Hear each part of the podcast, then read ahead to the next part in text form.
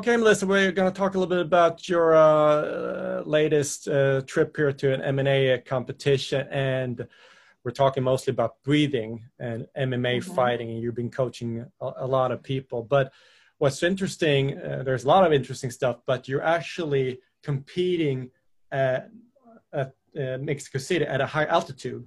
So, how is that different in your preparation versus maybe competing more on ground level, where you kind of your fighters are more used to?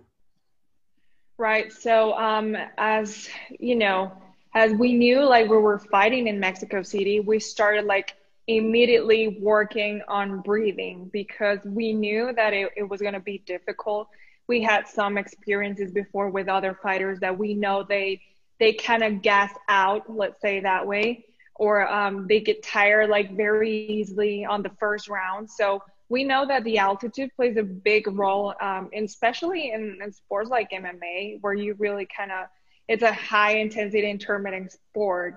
So it, it kind of has a lot of demands on the body in terms of uh, producing energy. So breathing is a you know it's like a big big uh, thing that we were trying to work on because we knew what we were going to be in front of right? So um, we started working at let's say eight weeks out where we got the notice that we were going to fight in mexico city so we started working out eight weeks before the fight on pre on breathing protocols so um, we started with the bolt score and MBT score uh, in order to see where the fighter was at that point, like a marker yeah. on the start of the fight camp. And from that, I started like building up certain exercises. I, I didn't kind of follow like the textbook or the rule because I know these guys like can handle a lot more. So we, we work on certain um, breathing restrictions um, in terms of airflow during the training um, what I did was um, we did like active recovery with a little bit of breath holds. We did movement prep before the sessions with a little bit of a stimulation of high altitude. And even during sparring or hard sessions, we did breathing restrictions in order for them like to have a lot of more conditioning and you know um, better uh, performance during the fight. So we did that and we we did work on um, even recovery on the recovery side because we try to stimulate like the um, high intensity part of it but we also kind of create that balance between parasympathetic and sympathetic nervous system so we did work on recovery too with breathing protocols and we seen like great results in terms of repeated sprint ability when we did like a mid camp uh, battery test.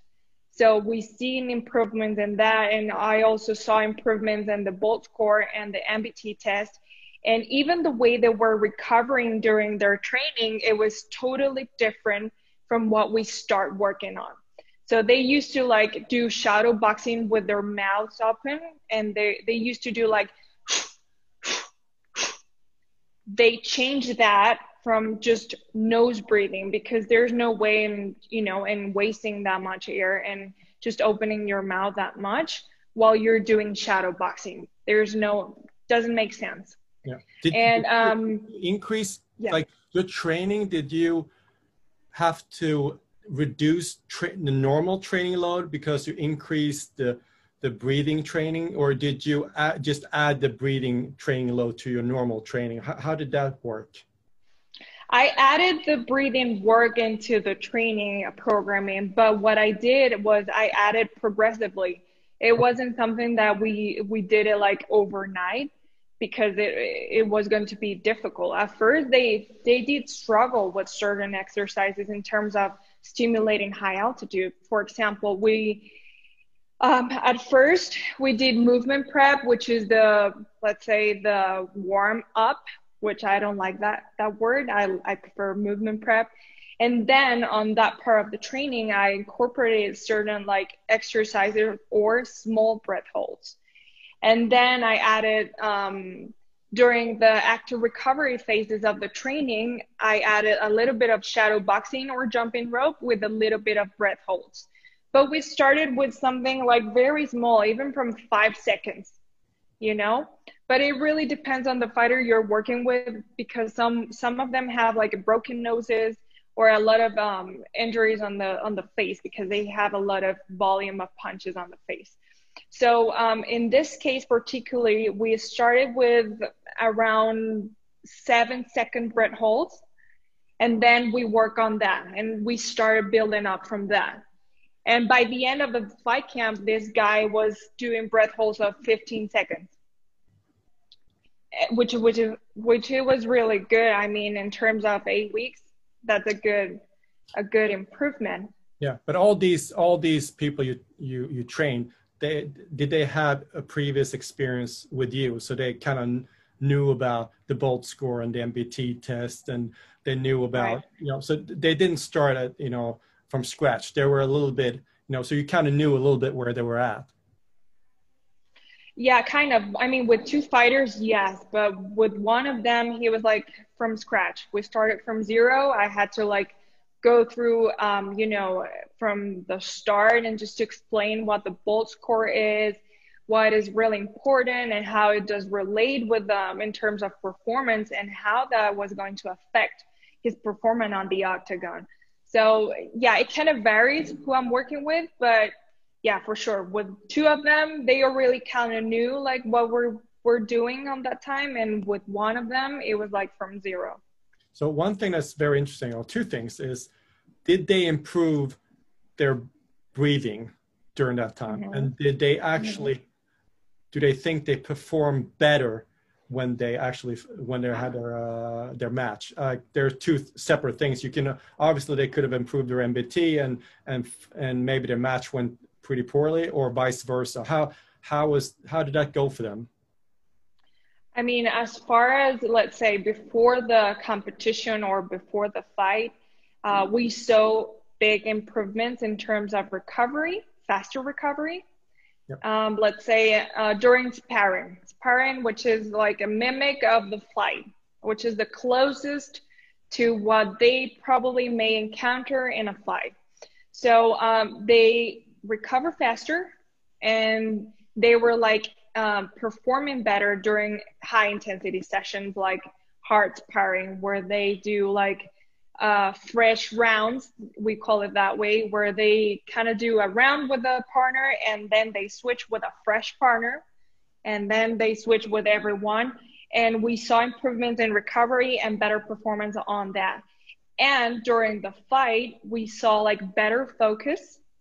They were like concentrated in a better way. They they got into the zone easier than before, and we saw faster um, reaction and improvement during the recovery period, which is one minute between rounds.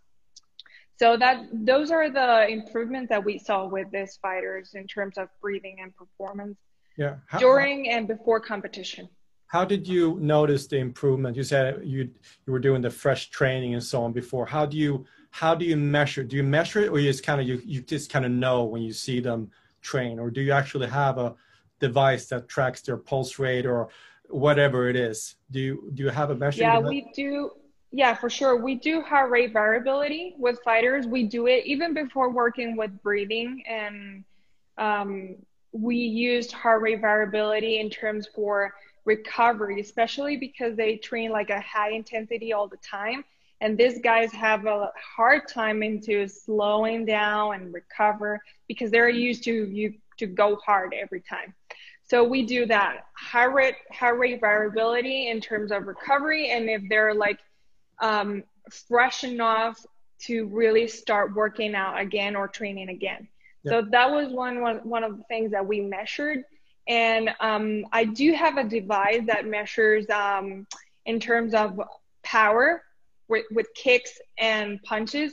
So we we saw an improvement on that too, and even we can see it just by seeing their performance during the training. So we do use technology, but also by, by asking the fighter, how do you feel? Do you feel better? Do you feel like you're performing better? Do you feel like you're recovering faster or hard or you don't feel anything at all? So you have both so those, objective and yeah, both. measures to kind of keep track of their performance. That's exactly. That's great. What, what do you think it's the biggest in general the biggest obstacle? Is it the the tough training with the simulated high altitude training or whatever, or is it the recovery phase where you have to be really strict as well? Because if you're an MMA fighter, I mean, in, in most sports, it's very tough to focus on the recovery. But where is where is your obstacle with MMA fighters, if any, when it comes to breathing? Mm, I would say the recovery part. Yep. These guys love to go hard all the time. It's yep. like yep. they don't have problem with that yep. and having a hard time like they think that if they don't feel like they're dying during the training, they're not training hard enough. Yeah. So that's something that I've been trying to work with every athlete that I have um, the pleasure to work with. It's like to really educate them in terms of recovery yep. because they have a hard time doing that. It's like, listen, you need to take time to recover. Even if if it's an active recovery, it's going to be good for you because you're going to be ready and you're going to perform better the next session and even during competition. So the people that are working with me right now, they already know, they already used to, so they kind of like it now. They they do like the recovery part and sometimes are like, "Hey, are we going to do recovery today?" because they're like looking forward to it. But at first, I think it's that's one of the main issues in in terms of of the fighting sport itself. Yeah. And do you you I know you coach both men and women. Do you do you do anything differently when it comes to to uh, women fighters, or is it they train in the same at the same place at the same time, or or do you train, or also the levels between? Do you do you distinguish uh, the training protocols in any way? Um, I would say the only difference, or or the only thing that I do differently, it's the intensity at certain days of the woman cycle. Yeah. You know, it depends on the men- menstrual cycle because hormones play a big role, but methodologies are the same. The only thing that changes is intensity based on their menstrual cycle. Yeah, yeah. That's kind of it because yeah. it really affects performance depending on the day that the fighter is, the female fighter is. We we've seen um, depending on the day, we've seen like decrements or increments on their energy expenditure and even their performance. Yeah. So yeah, that's the only thing that I that I do differently. And even with um, nutrition, the dietitian also handles it a little bit different depending on on the day that we are working on it. Yeah. Um, what what else was important in the in the preparation when it comes to to uh, breathing did you talk to them about like breathing during during sleep and and all that or is it just daytime habits you work with no uh, we did focus on on on the sleep time because um, they have a hard time into like slowing down when yep. they get home yep. so um, that's what one thing that i did focus on and i we had these two fighters working on that especially because they were having hard time into getting quality sleep. So um, we did like a 15 minutes, 10 minutes um, uh, protocols before they they got to sleep. Okay. So we did during the day, we did the protocols, we did the breathing holds, and then at night, at least three times a week, I was like, let's do this before you go to sleep and they they got the hang of it. At first it was kind of difficult because you know it's a new habit. It's something that they're not used to. And i was like every day or let's say the next day i was like did you did it? Uh-huh. did you did your 15 minute 10 minute um, um, down regulator um, time? And, uh, and they were like eh, i no i didn't. Yeah, yeah, and yeah. then we then we started to building up and working on that but we did focus on that I yeah. think it's really important. Yeah. One one final question I have because what's different in in fighting sports from most other sports if you play football or, or, tennis or ice hockey normally you have a fixed schedule you know that you're going to have or if you train for the olympics or world cup you know it's going to yeah. be a certain date and a certain time of the year and it's very cyclical most of the time but not for mm-hmm. you. Uh, it could it could pop up at, at a fairly short notice. So how do you I mean, that weaves into training normally, but also with breath training. Now you you said you had eight weeks, but what do you do if you have less time? Do you have less time than eight weeks sometimes, like four weeks? Or? Yeah, for sure. I mean, eight weeks it's considered like a full camp. Yeah. And honestly, I don't I don't like that idea because I tell the fighters, listen, it, it's not an eight or ten week fight camp. It's a 52 week fight camp. It's the whole year that we need to build up and to work on. If you have an upcoming fight, for sure, we're going to have probably six weeks, right? And there's cases where we might have four week notice, you know? It really depends, but in in the MMA world, we consider a full fight camp between 8 to 12 weeks. Yeah, okay. Right? that's a good amount of time, but it's not the, let's say, you have to work on other things before that 12 week period. You have to have like a general preparation in order to have a good foundation of many things that you are not allowed to work during the fight camp. Yeah. And it is kind of tricky, as you said, because there's the other sports where you have off season and then you have season pre competition. We don't have that. And it really depends on where the fighter stands out in terms of their performance in terms of their weight um, if they're really prepared in order to take a fight with short notice. So there's a lot of variables that come into play. There's there's fighters that do take fights on short notice and they don't make weight okay. Right? So you, you got to be careful in order to to really take fights with short notice. There might be examples or there might be fighters where they're in perfect shape or in perfect conditions let's say it where they can take short notice short notice fights you know? Yeah but yeah. there's fighters who who can't do that. Yeah. So because also in four weeks if you if you add on breath training you probably have to i don't know taper down at least a few days before maybe a week before. So in essence you only you have to come up with a regimen day one almost to ramp up yeah. very quickly. So you don't have time to plan really. You have to you have to have the planning i guess almost done before. So you know whenever you get this so you like you said you have it almost like you have to have it continuously because you you can't you can't uh, ramp up too much. You only have a few weeks maybe and, exactly. So but uh, that that is a yeah that is a, a difficult sport then when when you don't when you kind of have to be reactive to to to fights yeah, you got to be so flexible in terms of programming and everything and planning because there's a lot of uncertainty when it comes to this sport. You get may you might get a short notice call. Uh, probably your opponent uh, gets sick, and then another guy jumps into the fight, and it might get canceled. You might may not wait, or there's a lot of things that come into play but it's kind of the fun part of it. And it's i think it stands out in terms of the other sports.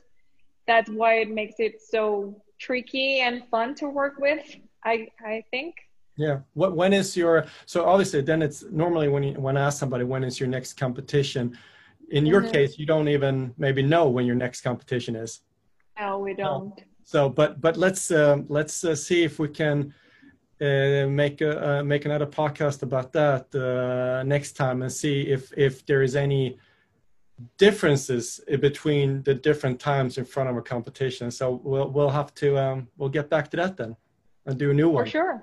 Okay. Yeah, we'll love to. Hopefully soon. I know okay. that probably there might be fights coming soon. okay. Well, let me know and I'll talk to you soon, Melissa. Okay. Thanks for having me. Bye bye.